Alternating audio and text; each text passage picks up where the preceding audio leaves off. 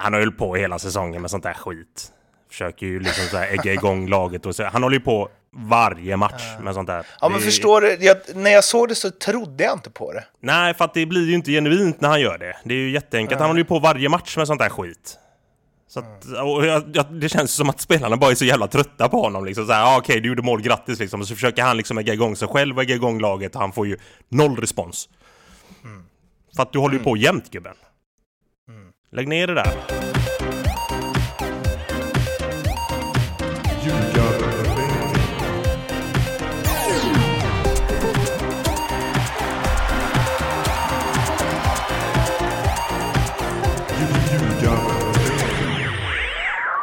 Ljugarbänken i samarbete med Nordic Bet är detta och det är avsnitt eh, 211.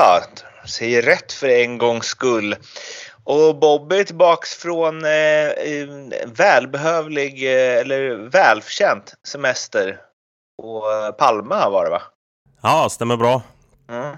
Är det Blev, eh, scoutat med. Östersunds förvärv? Östersunds förvärv.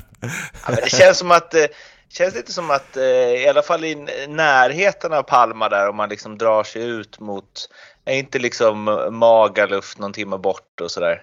Det känns väl som att eh, det kan finnas en del eh, lower League-engelsmän som semestrar Ja, där. du tänker så. Ja. Ja, jag var, jag var um, öster om eh, Palma, typ en kvart bort och där var det ju bara tyskar då, så det är väl uh, Zweite vi får titta på då kanske. Okej, ja. var, det, var det härligt? Det var eh, fantastiskt gött. Eh, jag har ju aldrig åkt bort under juli månad och tagit liksom en, en, en vecka i, eh, i södra Europa med tanke på... Ah, som fotbollsspelare var det helt oaktuellt. Och sen har det aldrig fallit mig och liksom dra bort en vecka under, under juli månad. Det är ju den jävla industrimånaden i Europa. Det är mycket tyskar, mycket britter och de är ju så jävla stökiga. Eh, men eh, nu ville damen bort och det var ju bara att hänga på då. Så att, ja, det- var svinget. Fan, Tog en för 30 laget? grader. Jag fick göra det denna gången. Och där är jag ju faktiskt jäkligt bra. Ja. Tobbe, hur är läget med dig? Ja, men det är bra. Jag eh, har inte varit i södra Europa, men eh, jag mår bra för det. Härligt. Har eh, Kungsbacka lirat något? Nej. Vi eh, har börjat träna. Vi ska spela på söndag nere i Halmstad mot Leikin. Våran eh, omstart. Så att eh, nu är det bara träning. Laken Lakers. Heter de det? De borde. Ja, precis. Nej, det tror jag inte de gör. Nej, vi får slänga in ett tips där vid någon hörna eller något. Eller hur? Och drar i varandra. Eh, vi eh, ska hoppa direkt till AIK Halmstad där AIK vann med 1-0. Stefanelli gjorde mål. Han gör ju, eller när han gör mål så vinner AIK.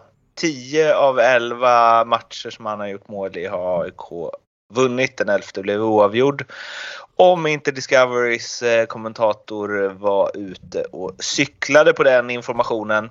Reserverar mig i sådana fall. Innan vi pratar, eller vi kan ju väva in hur matchen såg ut i det, men efteråt handlade det ganska mycket om gräset. Och eh, jag tror det var Milosevic som sa, eller jag vet att det var Milosevic som sa det, att han hellre spelar på det jag tror var Rissnes ängar. Eh, och eh, att han kanske får, eh, att han inte borde säga det här men att om gräset ska vara så här så kanske han till och med föredrar att spela på eh, konstgräs.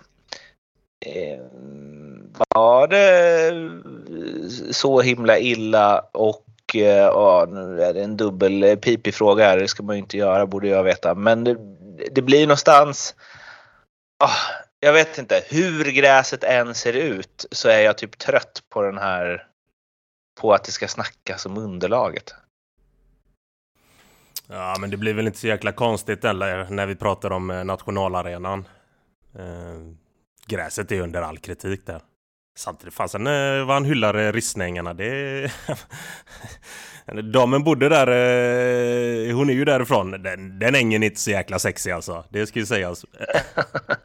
Men du kan ju fatta hur dålig mattan är på Friends. Ja, nej men fasen den såg, den såg hemsk ut. Så att, jag, jag är helt med vad han, vad, han, eh, vad han är ute efter här. Eh, fast någonting måste ju göras och de blir ju bortprioriterade hela tiden AIK känns det som. Så fort landslaget kommer dit och ska spela lite landskamper, ja fasen då är det en ny matta där inom någon vecka innan. Eh, så att... Nej, fan jag, jag är med på vad han menar. Det är, det är tråkigt att se. Nu, alltså när, när planen ser ut som den gör. Jag läste att det är bättre underlag, alltså ju fler event det är, desto bättre för AIK. För även om man har väl hört dem gnälla på att de har halkat runt lite där när mattan inte riktigt satt sig och så, men nu är det ju inget annat och därför så byts inte mattan ut. Om jag har förstått det rätt. Vilket låter helt sjukt. Att de bara byter ifall det är liksom landskamper och konserter och sånt. Ja, men det, det är ju så. Det, de, de är ju bortprioriterade här och det är sjukt tydligt när det gäller mattan. Eh, det, för AIKs del så är det ju egentligen bara att gilla läget. De vet ju att den är som den är. Eh, sen det, det är väl mer, eh, mer folk runt omkring AIK som bör höja på, på rösten så att någonting sker. Jag sa säkert det här i något uh, ljugarbänken för någon månad sedan men alltså de bästa spelarna så här, när man var, man var liten och spelade på grus i Stockholmstrakten. Jag vet inte om ni någonsin gjort det, men då var det ju liksom de som var bäst på grus var ju också bäst på gräs och var ju också bäst på dåliga planer. Så det är väl lika för alla. ja, så är det ju. Och, och, du vet inte om vi har gjort det. Det är klart att vi, både jag och Tobbe är gruslirare. Fan, uppväxt på grus tänkte jag säga. till och med spelat, jag har till och med spelat A-lagsmatcher på grus. Eh, Samma här. Men alltså, nej men jag, jag, för mig blir det liksom så här att jag tycker det här börjar bli pinsamt alltså. Alltså jag tycker det är pinsamt av förbundet. Eller jag vet egentligen inte vilka man ska, vilka man ska lägga skämskudden på, men, men det är ju någonstans ändå nationalarenan, vilket för mig då blir att det blir förbundets arena. Och att de inte kan få ordning på den här planen efter liksom, det, nu börjar vi närma oss upp mot nästan tio år sedan det här var, den här arenan invigdes liksom. Och det har fortfarande inte, de har fortfarande inte fått ordning på det. Och för mig är det helt ofattbart hur det kan vara så. Det är liksom, fan, det, det, det ska spelas okej okay, att de kan lägga en ny, eller ny matta då när landslaget ska spela liksom. Men det här, alltså de, de, de ja, jag vet inte vad man ska säga. Det, det är liksom, hade jag, varit, hade jag spelat i AIK hade jag varit helt tokig alltså. Helt skogstokig hade jag varit. För jag menar, det var lite som, som, jag vet inte vem det var som sa det, om det var, om det var eh, coach där eller vem det var som sa att vi, vi har liksom, vi, vi tränar i tre dagar, på en spelidé utifrån liksom olika saker och så kommer vi till den här mattan och så kan vi inte använda någonting av det. Och, och det är liksom, för mig blir det liksom, alltså en, en stor klubb som AIK på nationalarenan som någonstans ska vara liksom svensk fotbolls flaggskepp.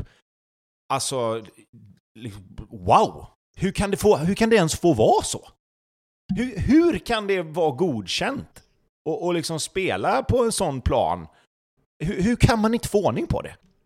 Det som är lite rörigt i det här är ju, jag tror att det är så att det är eh, Ehm, jag tror att det är så att det är ABS som är eh, arenabolaget i Solna som är ansvariga för driften av det. Eh, det vill säga, eh, ja, ehm, så det är liksom samma nu som under eh, tiden som, för nu är det ju AIG, eh, Stockholm Live. Och det är ju samma som har Tele2. Eh, men, och tidigare var det de här franska Lagardère som hade det. Eh, och 2016 så blev den framröstad som den näst bästa gräsmattan, eh, eller näst bästa planen i allsvenskan. Så då var det ju väldigt bra skött och det är samma alltså som sköter om det nu. Så jag antar att det bara beror på det här med eh, att det inte är några andra evenemang och att man därför inte tycker att det är värt att slänga in en ny matta bara för AIKs skull. Vilket, Nej, men- ju måste, vilket ju måste göra att AIK känner att så här, vad fan ska vi spela här för när vårt kontrakt går ut med dem? Nej men alltså grejen är ju så här att det har ju ingen betydelse. Den kanske, den kanske var skitbra 2000, vad sa du, 2016? 16. Ja, men hur många gånger har vi suttit och pratat om Friends Arena och att planen har varit helt fantastisk? Alltså, och hur många, och hur många gånger har man suttit och pratat om det vi gör nu? Att planen är katastrof och att det är liksom, den, den släpper och det är ränder i plan och liksom... Alltså, på, på nio år är det väl någonstans nu va? För jag tror den invigdes för 2012 där med, med Zlatans match där med England och allt det där va?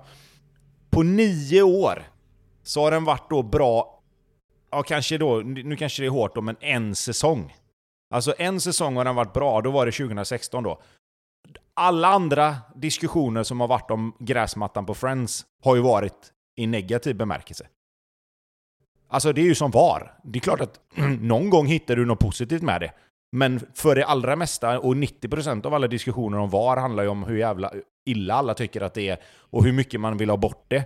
Och det är ju samma med den här plan. Om 90% av alla diskussioner handlar om hur skit allting är, då är det ju någonstans där man får börja titta. Du kan ju inte titta på, okej men 2016 var den bra. Ah, okej, ja. Det var, eh, vad heter det, eh, Östersund också.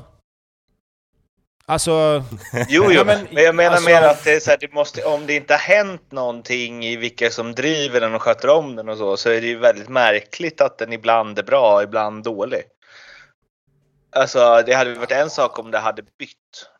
Jo, jo, jo, men visst, alltså absolut. Men någonstans så, lev, alltså...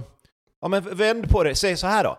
Om du ska leverera en produkt som ska vara bra, så kan du väl inte leverera en bra produkt ett år av nio och sen klappa dig på axeln och säga 'Fan vad vi är bra' Men har den inte, har landslaget har väl varit nöjda va?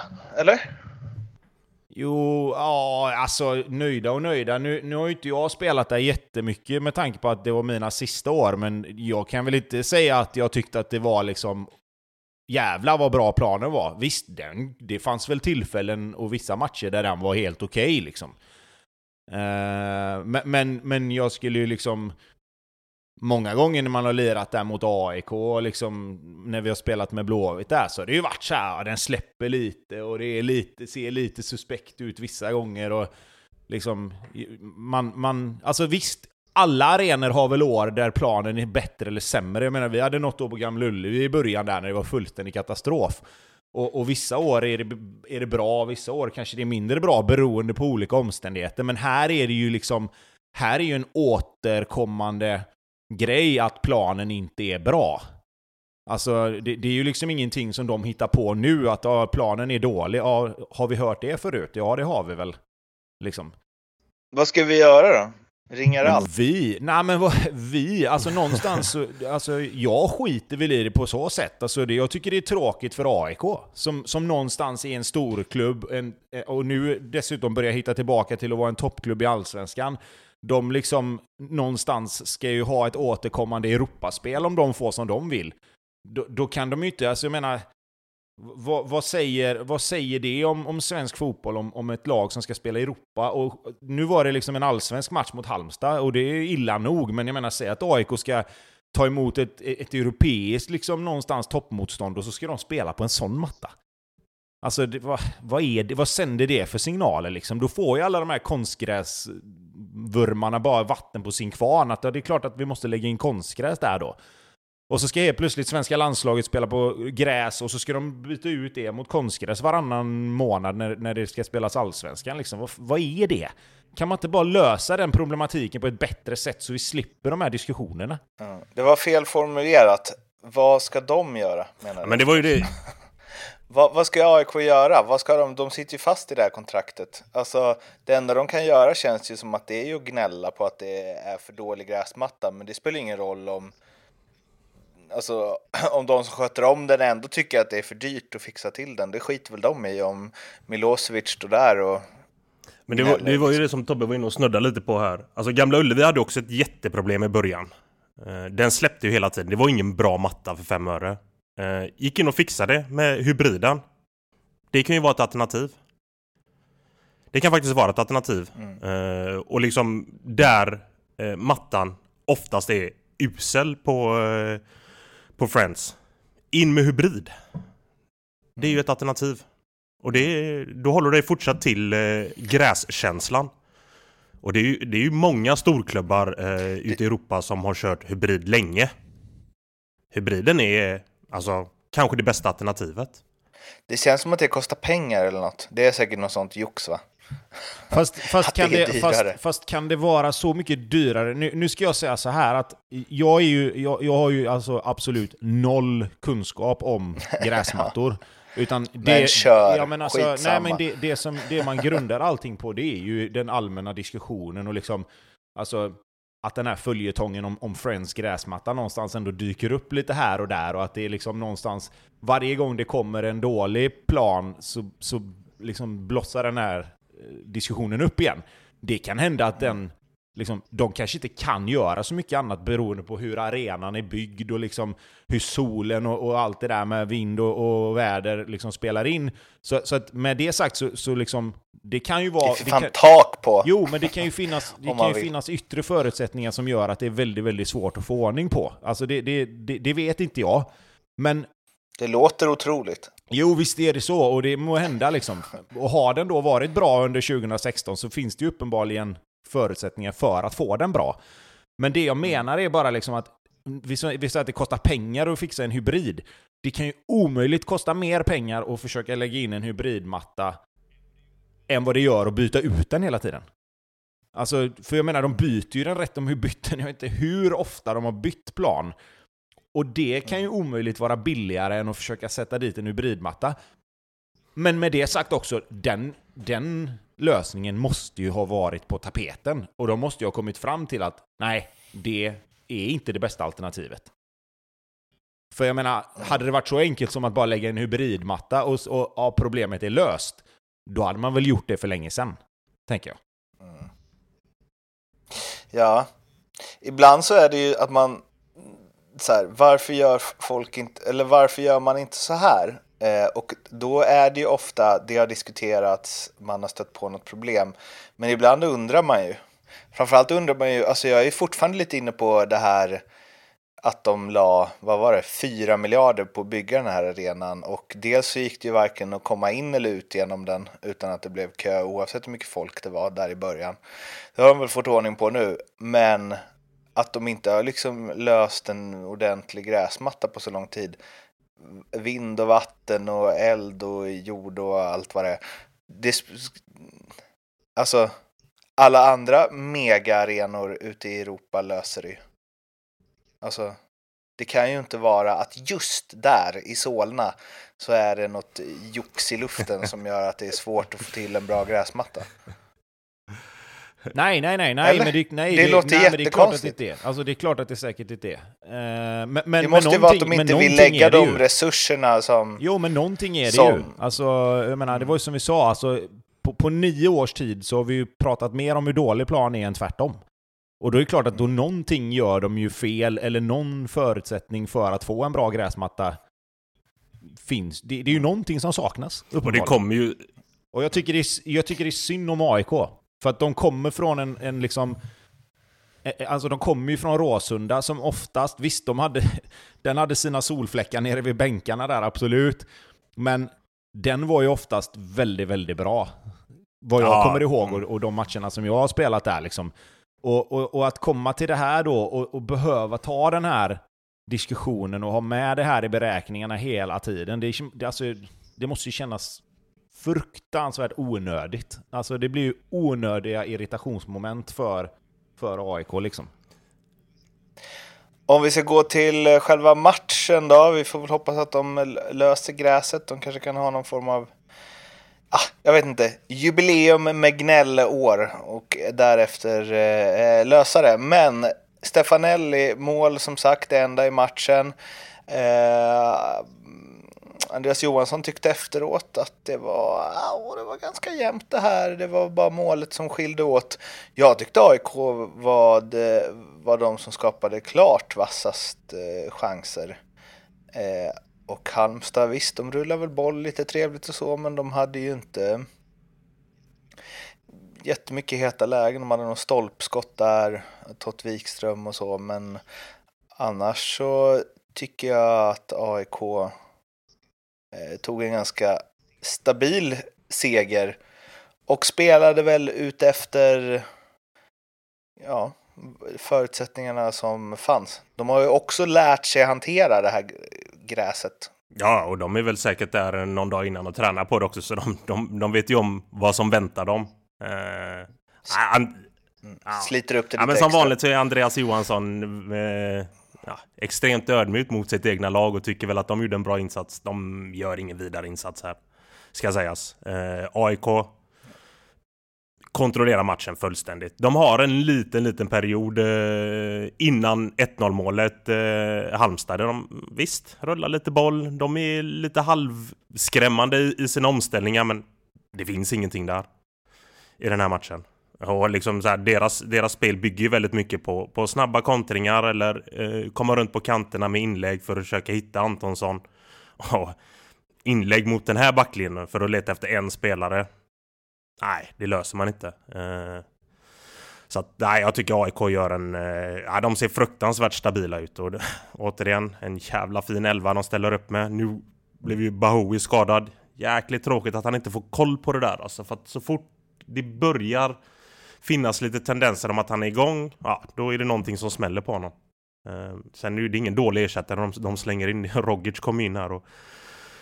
Men det är klart att eh, de har ju inte råd med så jäkla mycket skador AIK för att eh, den är ju som sagt var lite tunn truppen och speciellt framåt. Men får man igång eh, Stefanelli, som du sa, när han gör mål så vinner de. Han har gjort fyra mål i år, alla på hemmaplan. Uh, han måste ju komma igång. De hittar ett fint samarbete, han och Henok. Uh, det kan bli jäkligt intressant. Stefanelli är ju kanske genomgående nu deras bästa spelare framåt tycker jag. jag både offensivt och defensivt han skapar mycket i den här matchen. Ja, det gör han. Ja, han skapar mycket i många matcher, men han... Mm. Den lilla, lilla slutprodukten, den, den, är ju inte där. Han är på väg att missa sin, eh, sitt, eh, sitt läge, eller målet som han gör också. Ska sägas, han har ju en jäkla flax. Eh, mm.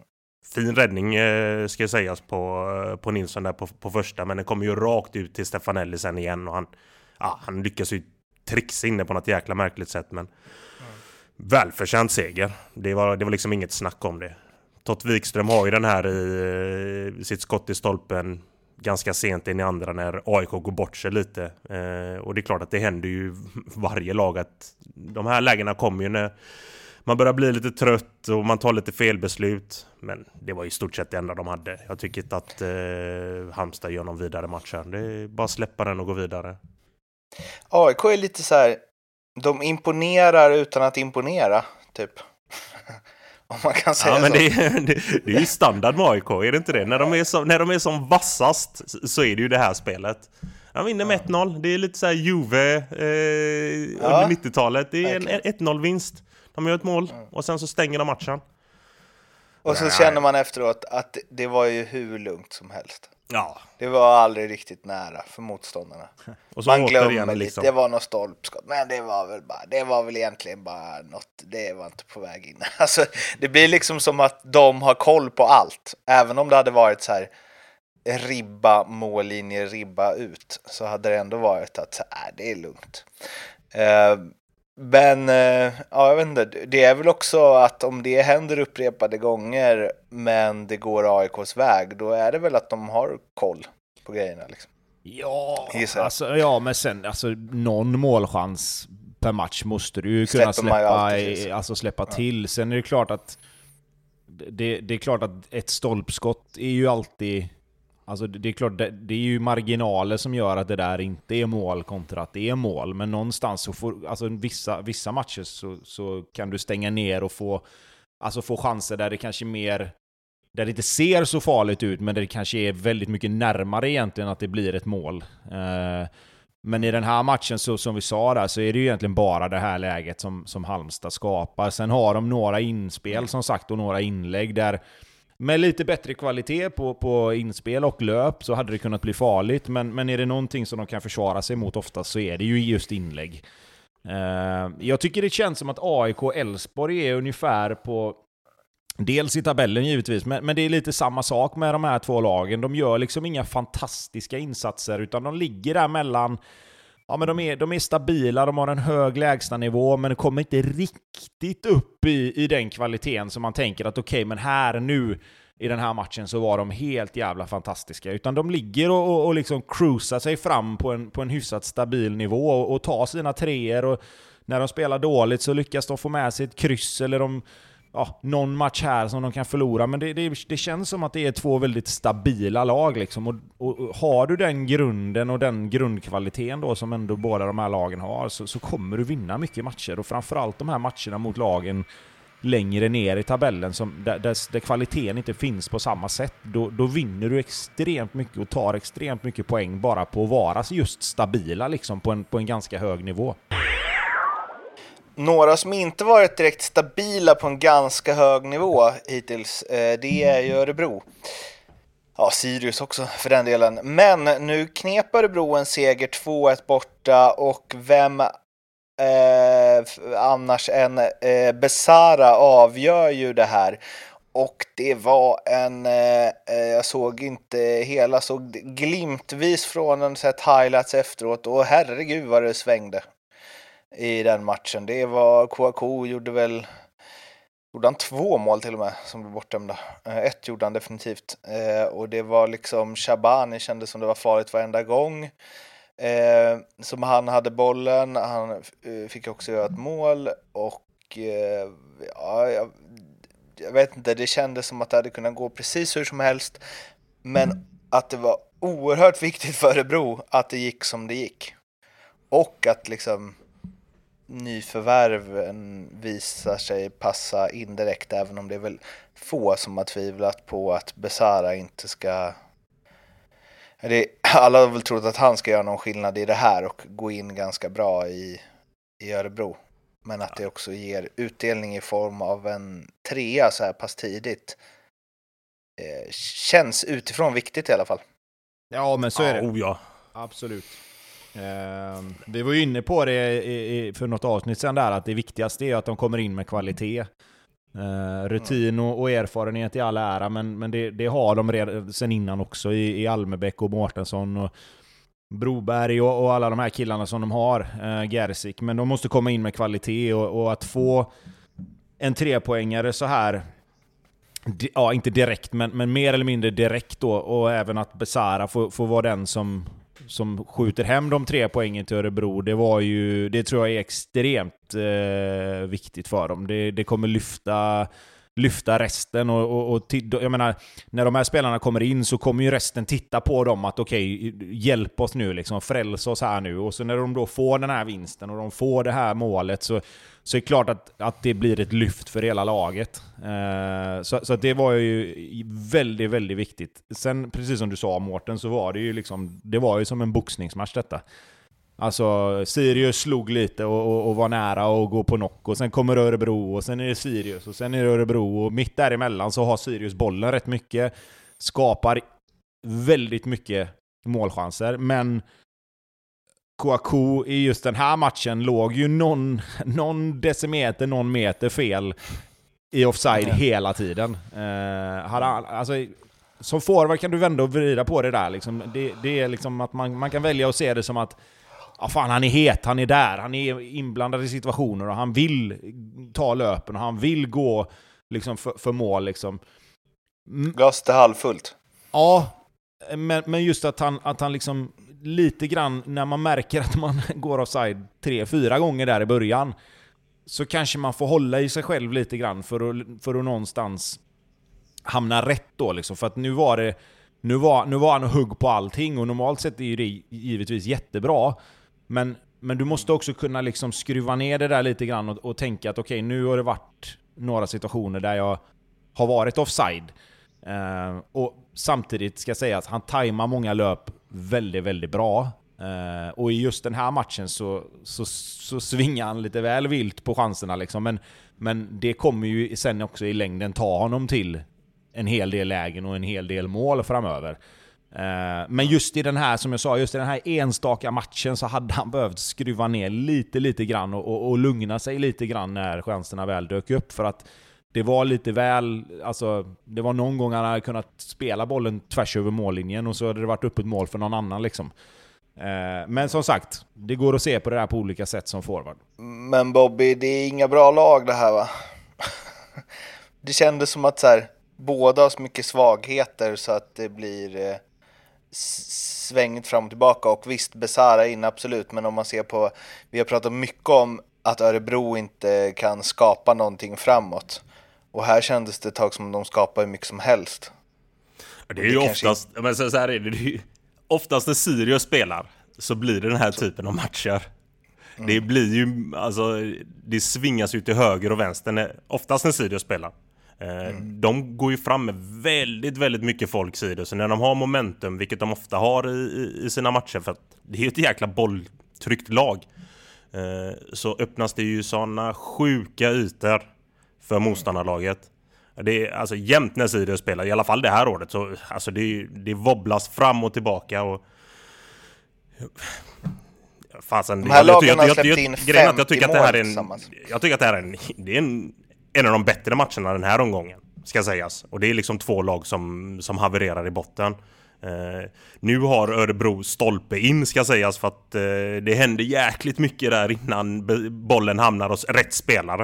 Uh, så att, ja och det är ju underbart för dem att det är just Besara som får det där läget där. För det känns som att hade någon annan av de här grabbarna fått det där läget så hade de ju ja, tofflat iväg den åt helvete tänkte jag säga. Men ja, bra nära. Förutom ju... Seger ju. Som bara ja, bankar upp den i närmsta... ja, men han var också het i den här matchen, Seger. Han gör en bra match. Uh, jag, jag, tycker hela mittfältet gör en bra match. Det Mårtensson har väl sett... Det, det ser trögt ut. Almebäck, det ser trögt ut. Båda de är borta och då tar de sin seger. Och vi pratar ju väldigt mycket om att de behöver liksom den här rutinen och de här spelarna in, men ja, jag vet inte fan alltså. Almebäck Man kanske sett, behöver kvaliteten eh, mer än rutinen. Ja, men lite så nu alltså. Mm. Ja, eh, som sagt, de här lagen har ju släppt in mest mål i allsvenskan. Båda har släppt in 25 eh, var, så det var väl inte så konstigt att det, att det svängde lite åt alla möjliga håll. En eh, annan match där det svängde lite. Nej, jo. Jo, men det gjorde det, det får man säga. Kamratmötet Göteborg-Norrköping. Vi sa inför Tobbe förra veckan att man vet aldrig vad man får av IFK Norrköping och i den här matchen så vet man verkligen inte på förhand vad man ska få av de här två lagen. Det kan bli allt från 0-0 till 4-4, vilket det kan i alla fotbollsmatcher förstås. Men här kändes det verkligen ovisst. Eh, vad fick vi då? Ah, Norrköping fick ju första halvlek eh, på så sätt att de eh, behövde ju inte vara så bra för att, för att ha ledningen med 2-0. Eh, tycker inte Norrköping gör någon jättebra match egentligen. De har eh, några enskilda individuella prestationer. Adegbenro var bra eh, matchen igenom, ett hot hela tiden. Tycker att Levi kom in och, och var helt okej. Okay. Eh, Isak Bergman Johannesson glimtar ju till precis på samma sätt som Fransson egentligen. Eh, med, med, sitt passningsspel och, och, och, man ser att det finns en, en högre nivå där att plocka fram. Eh, men, men, på det stora hela så är det ju, så är det ju Blåvitts första halvlek som är fruktansvärt dålig. Eh, tycker de började okej. Okay. Eh, första 10-12 minuterna så, så såg det ändå så såg det ändå helt okej okay ut. Det fanns en liten tanke och det kändes som att de kom in i matchen på rätt sätt. Men sen, sen är det ju individuella misstag som gör att, som gör att Blåvitt hamnar i skiten. Och det, man kan tycka vad man vill om det kollektiva försvarsspelet som, som kanske inte är där det behöver vara. Eh, men första målet är ju dels är det ju återigen då ett spel mellan mittback och ytterback som, som man blir bolltittare och, och glömmer av att titta runt omkring sig. Och sen vad, vad målvakten ska ut och göra i hörnet på straffområdet, det, jag vet inte. Eh, det kan vara läge att byta målvakt tycker jag. För att just nu så, så räddar han, han räddar inte det som han ska göra och jag tycker han tar konstiga beslut och ger sig av ut i straffområdet ibland. Eh, andra målet likadant tycker jag han ska ha också. Eh, så att inga, inga, inga jättemisstag på det sättet att han tvålar in skott liksom. Men första målet som jag sa, han, han ska ut och, och göra sig stor på ett, ett avslut som kommer nästan utifrån kanten. Liksom. Det enda han kan göra egentligen om man, om man står kvar i målet är att han får spela in den och där, där känns det som att Blåvitt hade koll. Andra målet är en omställning där Yellow missar första rensningen och sen så ska han rensa igen och så missar han och snubblar och ramlar och skottet är inget märkvärdigt men, men det går in och så helt plötsligt står det 2-0 och Norrköping tror jag känner bara så här, ja, det har inte varit jättebra men vi leder med 2-0, vi tar det liksom. Um, så att, ja. För sen grejen om det skottet, alltså det är ju inte, det blir lite konstigt för utifrån att han tar det avslutet han tar så är det ingen superprestation av Anestis, för det ser verkligen inte otagbart ut. Men, eh, men jag vet inte om det påverkar, liksom. målvakten är väl fokuserad på skytten, men det är helt otroligt att han tar det skottet. Han kan ju bara peta den åt sidan så är det två spelare som har helt öppet mål. Ja, du menar andra målet? Ja, ja exakt. men jo, jo, det kan, och, kan säkert vara, det... men, men han är ju ändå, alltså det är ju ändå en forward och han har ju ett ganska bra Alltså det är en bra position för att, för att ta ett avslut. Sen är det klart att det kanske hade varit ännu mer rätt att, att spela bollen, absolut. Men ehm. förstår att det, jag menar att det kanske påverkar målvakten att han bara, oh, vänta, här är två som har öppet mål. Han kan bara rulla över den. Var ska jag fokusera? De var ju typ tre mot noll. Ja, alltså. men jo, men alltså någonstans så får du ju fokusera på skytten liksom. Alltså, ja. det, det, är ju lite som... Alltså vi brukar hänvisa till hockey, det är ju lite som i hockey liksom. Du kan ju inte räkna med att det ska komma en passning och så flytta dig på det sättet. Alltså, och sen själva avslutet i sig tycker jag att han ska ha. Uh, mm. det, det, är ingen miss på något sätt. Alltså, det är ju ett avslut som är från ganska nära håll. Och liksom, jag säger ingenting om att han inte tar den, men, men en bra målvakt tycker jag tar vissa utav sådana. Alltså, en, en bra målvakt räddar några sådana här per säsong. Liksom, och jag tycker att han jag tycker att han räddar Blåvitt för lite just nu. Han, behöver göra de här räddningarna som, som gör att det inte blir 2-0, för då är det fortfarande ändå liksom... Då är det fortfarande ändå en match där Blåvitt någonstans kan känna att vi kan vända detta liksom. Um, för, för sen i andra... Det... Ja, nej, fortsätt. Ja, nej men de gjorde ju en... Eh, vad säger man? Eh, gav det ett ärligt försök i andra, får man ju säga. Jag tyckte de skapade massor. Ja, nej, alltså återigen då, då, då, kan man ju titta på det utifrån hur man väljer att se på det. Och andra halvlek tycker jag liksom att Sett till vad de kommer ut med alltså efter paus så, så ger de det absolut ett försök. Liksom. De trycker in bollar i straffområdet och jag tycker att de är lite mer framåtlutade. Eh, släpper handbromsen lite, precis som man måste göra när man ligger under. Det finns ingenting att förlora mer, liksom, utan vi, vi måste försöka. Eh, får ett ganska tidigt mål eh, och, och, med lite flyt så, så hade de säkert kunnat göra ett mål till, men problemet är att Blåvitt kan inte spela med de marginalerna där man ska liksom förlita sig på att man ska ha lite flyt för att få göra ett mål, utan de här riktigt solklara målchanserna måste man göra mål på. Alltså det, det är liksom, du kan inte du kan inte som, som, som spelare liksom i Allsvenskan förlita dig på att marginalerna ska vara på din sida, för att de, de marginalerna förtjänar du på något sätt, och det gör inte Blåvitt just nu tyvärr. Eh, sen, sen kan man tycka vad man vill om att det, det, är ju samma sak, alltså Norrköping har ju några riktigt bra omställningslägen där de med lite mer kvalitet också hade kunnat döda matchen. Eh, så man ska inte stirra sig blind för mycket på att, på att liksom statistiken säger det den gör. För jag tror att Norrköping hade typ fyra skott på mål, och, och men, men de har en, en, hel del omställningslägen som inte blir någonting liksom heller. Eh, så att jag skulle väl säga att det hade inte varit helt orättvist sett till andra halvlek om, om det hade blivit oavgjort i den här matchen. Men, men Blåvitt måste göra mer Eh, för att förtjäna poängen. Liksom. Det, prestationerna just nu är, är, inte tillräckligt bra. Bobby, eh, om man eh, utifrån hur Göteborg har spelat senaste tiden eh, och kanske inte bara liksom vad man har fått, mm, eller ja, också sett till vad man fått med sig. Så här, hur många matcher kan det gå innan man säger att så här, ja, de, de kanske inte är bättre än så här. Det kanske inte handlar om att det kommer sätta sig eller att det kommer liksom Jag förstår, man kan prata om det så himla länge liksom, men Mm. fan du kan ju inte underprestera en hel säsong. Alltså då är du ju dålig. Eller inte tillräckligt bra. Om jag ja, ja, ja alltså, det är klart, så är det ju. Eh, de kanske är Sveriges nionde bästa lag. Det kanske bara är så. eh, ja, med prestationen som de eh, presterar just nu så, så är de ju det. Absolut, det är ju, det är ju liksom inga konstigt. Tabellen ljuger ju inte. Så, så, så, så enkelt är det. Eh, det är klart att det är så här match mot Varberg, då tyckte man liksom att fan nu den här matchen här nu, då kommer de komma ut med sån jäkla tempo här nu. Det var liksom, såg uddlöst ut, ingen fokus. Alright, skippa den matchen, in i den här. Spela inför en 10-15 tusen på, på Nya Ullevi. Ja, nu jäklar, nu trycker vi. Och så är den första halvleken alltså minst lika dassig som eh, Varberg-prestationen. Alltså minst lika dassig. Eh, och det är, jag är inne på, på Tobbes spår, jag har varit inne på det länge. Eh, alltså Anestis, tyvärr.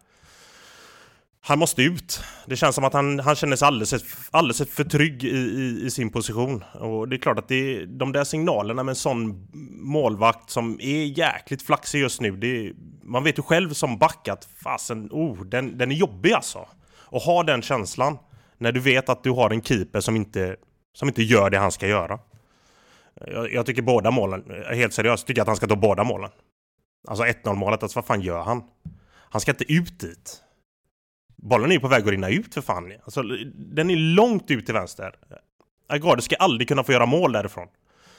Det är för dåligt. Och det är klart att som, som, som Blåvitt-spelare och som, och som back speciellt så... Åh, den, är, den är sjukt tung alltså. Det är svinjobbigt att jobba i uppförsbacke hela tiden, varje match. När du, när du inte har stabiliteten längst bak. Vilket de inte har just nu. Vi måste avsluta den här matchen med att säga ändå Agardius, alltså som den back han är. eh, Jävla fin chip, även om Estes inte skulle ut där. Men eh, bra avslut alltså. Ja, kvalitet. Kvalitet. Klass. Kanske skulle testa honom högre upp i banan. Nu har det blivit dags att ringa till Leopold Neurath på Nordic Bet där vi ska snacka lite specialspel. Tjena! Tja! Tja! Tjena! Är du Läget? tillbaks från semestern? Ja, skulle man kunna säga. Uppvilad och rehabad. Ja, du låter jävligt eh, pigg. Ja, tack. Nej, men nu orkar jag nog med er här resten av säsongen, ska du säga. Säg inte för mycket. Nej, alright. Ja, ta tillbaka det där. I alla fall, jag orkar med er i två, tre minuter till i alla fall. Ja, härligt. Ja. Eh, Jag hörde att Bobby hade ett riktigt drömspel på gång faktiskt. Att jag Tobbe. hade det ja. Ja, jag har... Fasen, jag, det funkar ju inte för mig nu, så nu vill jag försöka safea lite. Kommer nu inte få det hetaste, hetaste oddset, men det, fasen, nu det skiter jag i det. Nu ska jag, ska jag safea. Tobbe är ju råhet här ju. Det, det är jävligt störande. Ska, Ja, men det får man göra ibland. Det, det är lugnt. ja, gott. Ja, vad fasen ska jag eh, Ta- dra take it mina away. spel? Ja, Ja, exakt. nej, men jag har... Dra plåstret. Jag har att eh, Häcken vinner hemma mot Östersund. Eh, och sen att Elfsborg vinner hemma mot Degerfors. Just det. Det här är i, i helgen då. Ja, Jag har precis. två följdfrågor till dig här, Bobby. Ja. Eh, Shoot! Är du medveten om att Elfsborg har bortamatch mot VLS Mostar i Conference League på torsdag? Ja, jo, jo, jo. Det Och har jag, det är jag två. fullt medveten om. Men ja, Vilket land kommer VLS Mostar ifrån? Tre poäng om du sätter båda. de är från eh, Bosnien. Snyggt, Bobby. Tre poäng. Men man är, man är, saken är, man är en gammal, gammal speltorsk, ska sägas. Så man har ju full koll på ligorna där ute. Ja, ja. All right. ja, ja, men eh, bara så att du är med på det. Ja, fullt medveten om det, men uh, fasen, det är... Det är match de löser. Ja, all right. Ja, 2,50 då, tycker jag. Det, då har du boostat och klart. Ge mig 2,75 nu, fan. Jag upp med det lite och sen att jag ändå. Ja, själv känner fan- att jag då är det ger ingen dålig någonting. boost. Det är 50% i boost. Men ja, ja, okej. Man får, man får spela någon hundralapp då, kan jag, eh, Ja. kan jag sätta. Ja, taget. Ja. Eh, bra, men vi säger så då. Tobelito. Ja, eh, jag sätter att eh, Malmö vinner borta mot Halmstad. Och att eh, Blåvitt-Hammarby, båda lagen, gör mål. Mm, Okej då. Då ska du få en fråga mig också här då, Tobbe. Jag vet att Malmö spelar mot Rangers. Och vilket möte Hammarby då? Och vilket land kommer de ifrån? Ja, precis. Eh, Hammarby. Och vilka var det de fick? De fick väl... Eh, oh, det här... Nej, jag vet vilka det stod mellan, men jag kom, har nog inte sett vilka de fick. Eh, någon annan som vill ge sig på den? Bobby kan, ju, kan, kan ta eh, fem poäng här. Nej, fasen jag löser inte det. Tyvärr. Oh, den är slarvig. Det ska man ha koll på egentligen. Ja. Eh, Journali journalisten själv kan, kanske? Ja, men jag har semester vet du. Ja, men det, det har jag också haft. Men vad fan, vad är det i den omgången? Är det inte dags för typ Cork eller något? Ja, men det, är han ändå Nej. rätt med C i början där, är han inte det? Sukarici från Serbien. Det var Zuccarello. Så det var, ja. Zuccarello. Fy Han fan är vad taggad man är på den matchen. Jo, är fan. liksom- Serberna, de är galna. Så det kan nog bli bra Ja, inramning där. Vi såg att det var det Dinamo Zagreb som fick röda stjärnan va? Ja, klassiker. Ah, ja, just det. Den är god. fin. Ja, den är... Där kan det bli bengaler. Eh, men du ser, 3,25 har jag satt på den. Ja. Tre... Nu när du är så 3,40 het då. också. Du satte ju senast. Och så har du Ja. Berg över 7,5 mål också. Långt i spel. Just det, den eh, ser ju ändå hyfsad ut. Ja, är han den enda som kan spela fotboll i det där laget nu för tiden? Verkar som. Är- De har två, två forwards som ändå gör det ganska bra tycker jag. Ja. Men, Men, men, är inte eh, bollen där jätteofta, men ja. men Leo Antonsson, gör inte han mål mot Malmö då? Nej, det, där blir det under tyvärr. Under 2,5 tror jag. Eh, för om man kollar HBK möter storlagen, alltså, de, de täpper igen mot, eh, även om de torskar. Så de har ju under mot, de är under mot Bayern, Djurgården och nu även Malmö. AIK också. Alltså, de har väl bara släppt in 12 baljor på 13 gånger eller någonting. Det är, fan, det är starkt. Det är starkt ja. Men de torskar ju mot topplagen med 1-0, så det blir 1-0 Malmö här tror jag. Och sen så blir det såklart under i Djurgården-AIK förresten. Nu tycker jag att du har obehagligt mycket energi efter semestern. Men vad, eh, eh, en fråga bara. Vad ger eh, båda lagen i mål i Göteborg-Hammarby? Eh, 1,60. På uppstuds, sådär. Ja, det är ju fan spelvärt. Ja, ja, kanske. Jag vet inte. Den är i Mare med alla cupmatcher och... Mm, vad du vet. Naturgräs ja, är det väl. Någon form av hybrid i alla fall. Nu går vi tillbaka och pluggar på, vad hette de? Som Hammarby skulle möta. Tobbe, Nej, exakt. Vad sa du nu? du fick eh, bakläxa här igen. Vad hette de nu då? Som Bayern skulle möta? Äh, var det eh, Chuk- Chukarici eller, något sånt där från eh, Zuccarello. Serbien va? Ja, exakt. Ja, jävla Vad fan, mäktigt. tror du inte jag sitter och lyssnar eller? Jag är inte som Mårten och stänger av när det inte är jag som pratar. Nu ska jag googla Zuccarello. Ja. Vi hörs Leo. Bra, hej. Ja, Bra, bra, det hej. gött. Ha det gott. Hej. Det var alltså Leo på NordicBet. Kom ihåg att spela ansvarsfullt och att du måste vara minst 18 år för att spela och behöver du hjälp eller stöd så finns stödlinjen.se. Ett lag som imponerar oerhört mycket och det har vi varit inne på många gånger men det är ju svårt att sluta imponeras av Djurgården alltså på, eh, framförallt på Tele2, de är ju otroligt stabila. De blandar ju någonstans det som AIK har med stabiliteten att alltid liksom eller att inte behöva överanstränga sig och ändå vinna med att eh, spela en eh, trevlig fotboll. Och eh, det känns som att de har sån jävla koll på grejerna alltså. Extrem koll. Ehm, Extrem koll. Ja. Alltså man, man blir ju full av förundran alltså hur de egentligen match ut och match in pallar med eh, den här pressen som de har över hela banan. För att den är ju extrem ju. Deras första press är ju by far allsvenskans överlägset bästa press.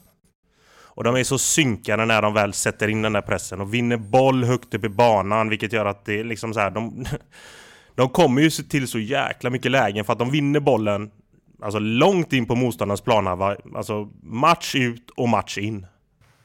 Alltså man, man blir så här liksom, fasen, sätt lite längre bollar. Man vill bara så här dunka in det i alla lagen liksom. Man håller inte på att spela mot det här laget. Speciellt inte på Tele2. Försök inte spela i rut. Hitta lite längre. Sätt Jeremejeff i spel. De har ju spelaren. Sätt honom i spel. Hitta lite längre. Men... Alltså, det går liksom inte och, och Djurgården har den här så jäkla fina synkade pressen över hela banan. Vilket gör att de... De känns ju alltid ruggiga.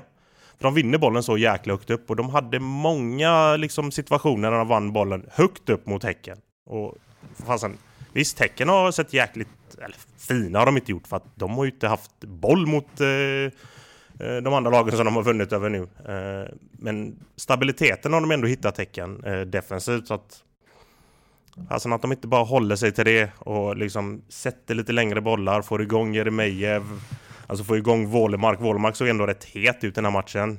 Bengtsson, de har ju liksom kantspelarna som har speed. Heinz. Alltså så här, sätt, sätt in de här spelarna mer i, i situationen när vi försöker hitta lite mer bakom Djurgårdens backlinje. För att Djurgården står jäkligt högt upp när de väl sätter in sin första press. Så att det finns ju extrema ytor bakom. Men ja, nej, jag blir sjukt imponerad av, uh, av, av Djurgården. Det, det, det, ser fantastiskt fint ut just nu. Vad säger du Tobbe? Om DIF? Ja, men jag håller med. Eh, vi, vi, snackar om, vi har ju snackat om det här att man, att man eh, har hittat ett sätt att, att, vinna matcher och att man gör det på, på lite olika sätt. Eh, vissa matcher, som du säger Bobby, så är det pressspelet som gör att man skapar de mesta chanserna. Ibland så kan man spela sig liksom hela vägen nerifrån med, med hjälp av Findell, Schuller och, och Mange Eriksson på mitten. Eh, vissa matcher så tycker jag det känns som att de går mer på kanterna. De, de dubblar på sina kanter och, och, och liksom skapar, skapar överläge på det sättet. Och, och, på så sätt så får man in bollen i straffområdet, man hinner fylla på med rätt mycket folk. Eh, Djurgården har en, en jäkla förmåga att ta sig till avslut. Alltså, vi pratar om att många lag har, har svårare att komma, liksom, att, att komma in till och, och, och, få, få till själva avslutslägena, men Djurgården har liksom en konstant Liksom, jag tycker när man tittar på, på statistik och man tittar på deras matcher så är det konstant runt en fan mellan 15-20 avslut i varje match. Mm. Eh, och, mm. och, till slut då så kommer du ju skapa lägen där avsluten också kommer komma i, i, i så pass bra lägen att det kommer bli mål. Eh, för, för skapar du så pass mycket situationer och du pillar in så pass mycket bollar in i straffområdet och mot straffområdet och du ställer frågor till, till, till motståndarnas försvar att vi kommer komma med folk in i straffområdet, vi kommer att ta avslut utifrån, vi kommer att smälla in inlägg. Dels för nick, men dels för att bollarna ska vina runt målisen liksom. Till slut så skapar du tillräckligt mycket situationer där någon boll studsar lite och helt plötsligt så är det Une Larsson är där och så smäller han in 2-1 liksom. Och sådana mål gör Djurgården rätt mycket av. För att man, som jag sa, de har enorm trafik in i straffområdet, de har enorm liksom, kvalitet och ett spelsätt som gör att de kommer i, till avslut väldigt, väldigt ofta. Um, så att, så att all cred till, till Djurgården och hur de spelar och de Alltså det, det känns som att Djurgårdsspelarna går ut till varje match nu och känner den här har vi vunnit på förhand. Vi kommer vinna den här matchen. Sen gör man inte alltid det. det. Det är så det funkar. Men känslan som spelare när du går ut på plan och vet att gör vi bara vårat så vinner vi det här. Den är eh, jätte, jätteskön att få med sig ut. Innan vi lämnar Djurgårdshyllningarna som eh, liksom kommer så fort vi pratar om dem med all rätta så såg jag någon statistik som eh, pekar på att, eh, tror man 94 procent att Djurgården eller Malmö vinner eh, guld. Um, är det är det rätt, tycker ni? det är uppenbarligen uträknat, så uppenbarligen så är det ju rätt. Men tycker ni att det är, är det två, två lags race? Med 17 omgångar kvar. Vad är det, 6 poäng ner till AIK? Eh, Djurgården har. Ja, mm. de möter ju varandra här nu i omgång 14. Så, fråga mig efter den matchen, då kan vi nog... Okay. Ja, det, ja, men det är klart att de har ju själv... Eh, jag skulle väl kunna tänka mig att verkligen eh, sålla mig till det också. Att eh, skulle Djurgården vinna den matchen så, så är det ju mycket som talar för att det är så. Sen vet vi ju, alltså, vi såg det förra året, var det Norrköping som var långt före eh, 8, 9, 10 matcher in och jag menar i ärlighetens namn har vi inte hunnit sådär jäkla mycket längre i år egentligen. Eh, men det är klart att, att något lag ska ta 7 poäng mer än Djurgården och Malmö på de 17 matcherna som är kvar. Man vänder på det på det sättet så känns det ju väldigt osannolikt med tanke på hur stabila båda de två lagen är. Eh, men som sagt, det är två matcher. Eh, det kan vara lite skador och lite avstängningar som dyker upp senare under året. Eh, så vi får ju se, men, det är klart att i nuläget så finns det inget som talar för att Djurgården eller Malmö ska tappa så mycket poäng att, att de andra lagen måste ju nästan gå rent. Liksom. Hammarby var uppe och gästade Östersund och fick med sig en eh, pinne därifrån, eller fick med sig, jag vet inte om de var nöjda med det, men eh, hade massa boll, 62 procent bollinnehav över hela matchen var rätt eh, dominanta i båda halvlekarna sett till eh, spelövertag. Östersund skapade en del heta chanser dock. Eh, och Ja, det, det, vi landar ju ofta i samma kring Bayern liksom, men ja, det är väl bra men inte tillräckligt bra typ. Och det känns som att det är alltid något som inte funkar. Och i den här matchen så vet jag inte om... Ja, Östersund gjorde ju bara mål på en av sina heta chanser. Så de har... Alltså, de, jag vet inte. Det är... Jag fick lite känslan av Um, att, och även om Bayerns spel funkar bättre eller sämre så känns det ändå inte som att de är riktigt så här. Det är liksom inga vinnare på något sätt. Jag tänkte på det när Selmani sprang och hämtade bollen efter kvitteringen och liksom skulle så här veva igång laget. Att jag, tänkt, jag tänkte på Nikola Djurdjic när jag såg det. Men att då var det liksom på riktigt. På något ja, sätt. Nej, Nikola gjorde det. Ja, ja. Det, alltså det här känns... Eh, han har ju på hela säsongen med sånt där skit.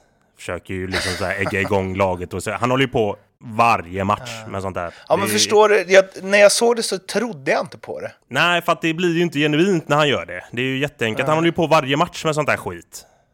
Så att, jag, jag, det känns som att spelarna bara är så jävla trötta på honom liksom såhär, ah, okej okay, du gjorde mål, grattis liksom. Och så försöker han liksom ägga igång sig själv och ägga igång laget och han får ju noll respons. Mm. För att du håller ju på mm. jämt gubben. Mm. Lägg ner det där. Alltså såhär, ja visst, fasen det är klart att uh, Gör 1-1, spring och hämta bollen för att liksom visa resten av grabbarna liksom att fasen vi, vi har någonting på gång här nu, vi har momentum, vi, vi hittar tvåan men Mm. Alltså, han håller på sådär varenda jäkla match och det blir bara så jävla jobbigt liksom. Så att det är klart att men, jag, det... men jag menar nog inte bara Selman egentligen, utan så här vinnargrejen, att det känns inte... jag vet inte fan alltså. Det är något som saknas i Hammarby som är lite svårt att sätta fingret på vad det är. Alltså, visst, de gick vidare i Europa mot Maribor och liksom Ja men eh, Viljot Svedberg har imponerat och kommit in och Dovin har ju varit liksom eh, grym i målet. Men det är liksom, det finns ljusglimtar men det känns aldrig som att det blir liksom oh, en helhet som man verkligen eh, tror på. Det känns som det, fort, det kommer svänga lite. Det kommer vara någon match med lite taffligt försvarsspel. Det kommer vara någon match med skön offensiv. Det kommer vara någon match då de fokar på försvarsspelet och sätter det och sen så kommer det vara någon 1-1 borta mot eh, Halmstad. Eller, alltså, är ni med på vad jag försöker få Ja, och liksom så här med all respekt till, till, till den här matchen. Fast de har haft ett tufft jäkla schema ska sägas, Hammarby. Eh, mm. Även om de hade jäkligt mycket boll i den här matchen, vilket är gött när du har liksom spelat, eh, vad är det nu? De har spelat fem matcher på 15 dagar och sånt där skit. Det är klart att mm. spelarna är jäkligt slitna. Det är långa turer, de har varit ute i Europa och hela den biten. Och upp till Jämtland för att spela en trött jäkla match här nu som de ändå liksom behöver vinna. Det är klart att med, den, eh, med det matchandet som de har i, i benen, många spelare, mm. så är det klart att eh, det faller ur. Eh, och det ser kanske lite uddlöst ut även om de har jäkligt mycket boll. Och det vet vi också om att vi återgår ju ofta till 2019 när de gjorde sina 3-4 framåt och släppte in liksom ja, men en, två bakåt. Det var ju liksom standard. Men när du inte har den produktionen framåt och du vet att det är lite stabbigt bakåt så det är klart att det, det är så här många av deras matcher ser ut. Håll 0-0 till sista 10. Upp med Björn Paulsen och så lyft in. Så känner jag. Nej, det, är så det är ett klassiskt recept när man har fått in den här ja. spelaren. Fan vad han är bra på huvudet alltså. Ja, men inte bara bra på huvudet. Så här, förut var det så här, eh, hans första eh, tur i Sverige och i, i Hammarby så var det, ja, han, är, han är vass på huvudet. Liksom släng upp honom som får av vissa matcher det, och, och in med bollarna i, i box och så löser det sig. Tycker han är fin med fötterna nu också. Han har fan, eh, Zweite gjorde honom gott. Det gjorde honom jäkligt gott. han är, han är trygg med boll nu också. Det, jag tycker, det är ju Alltså de här matcherna som han har spelat nu så har han varit deras bästa spelare. Och det är mycket det här med den energin som, som Hammarby lite stod för 2019 liksom. Det här med, och med, med Nikola, han är ju den som står för den energin. Han kräver ju jäkligt mycket om sin omgivning. Och det, det är fler som behöver steppa upp där. Har du något på Bayern Tobbe? Nej, alltså egentligen inte mer än att, att jag kan förstå... Förstår du vad jag famlar ja, efter? Ja, men jag gör det. Men, men samtidigt också så mm. tycker jag det... Jag, alltså jag tycker det är lite... Det är lite svårt att säga exakt vad det är man ska, vad man ska liksom fokusera på. För jag, jag vet liksom att det blir ju sådana här matcher lite grann när du är mitt emellan Europaspel och, och du har spelat många matcher, precis som Bobby säger. De, de har varit iväg och spelat ute i Europa. De ska, det, det är lite resor. De roterar lite på startelvan. Jag menar, i den här matchen så satt ju både Fenger, Abbe Khalili, Ludvigsson på bänken. Eh, de spelarna som kommer in ska, ska liksom någonstans ta chansen då, eller vad man ska säga, och visa att de är tillräckligt bra. Det blir inte riktigt samma kvalitet på allting. Det är inte riktigt samma samspel med, med alla. Eh, tycker man ser att de saknar en sån som Ludvigsson som löper så otroligt mycket och, och river, river sår i motståndarförsvaret som gör att det öppnar upp för andra. Eh, det saknar man lite i den här matchen. Även om man hade mycket boll så, så, så, så, märktes det att det var någonting som inte riktigt var som det brukar. Liksom. Och det kan lätt bli så i de här matcherna, du kommer upp till Östersund, Östersund har haft en dålig period. Liksom. Du tänker att okej, okay, men den här löser vi. vi. vi. är lite slitna och vi har spelat mycket matcher, men det här, här ska vi vara bättre i alla fall. Och så får du inte riktigt det att stämma. De spelarna som kommer in gör det inte riktigt lika bra som de spelarna som brukar spela. Och så blir det lite eh, som det blir liksom. Eh, jag tror att den här matchen kommer vara bra för Hammarby på så sätt att de kommer märka att okej, okay, är vi inte där till 100% och gör inte de spelarna som kommer in samma saker som de spelarna som vi plockar ut, så kan vi inte rotera på det sättet. Då, då får vi liksom då får vi någonstans välja, okej, okay, ska vi rotera så får vi rotera på spelare som inte är lika viktiga för vårt sätt att spela. Jag tror att Ludvigsson kanske behöver vila vissa matcher för att han löper något enormt, men jag tror att han kommer behöva vara på plan. Då får han vara på plan första 60 minuterna och så får du vila honom sista 30 istället. Eh, likadant med en sån spelare som, som Amo kanske. Nu, nu är han lite ut och in och han spelar ibland och spelar inte ibland. Men, men de här liksom stöttespelarna som de har, de får de nog kanske de får trycka dem och, och, och liksom belasta dem lite hårdare än vad de kanske har tänkt göra för att vara säker på att ta upp jakten på de här liksom, topp tre placeringarna som garanterar en plats i Europa. Det var det för den här veckans eh, Ljugarbänken. Eh, vi finns på sociala medier, det vet ni, Instagram, Twitter. In och följ oss och snacka med oss där. Och sen så hörs vi igen efter nästa omgång. Tills dess, ha det gott. Hej då! Hej, hej. Ha det gott!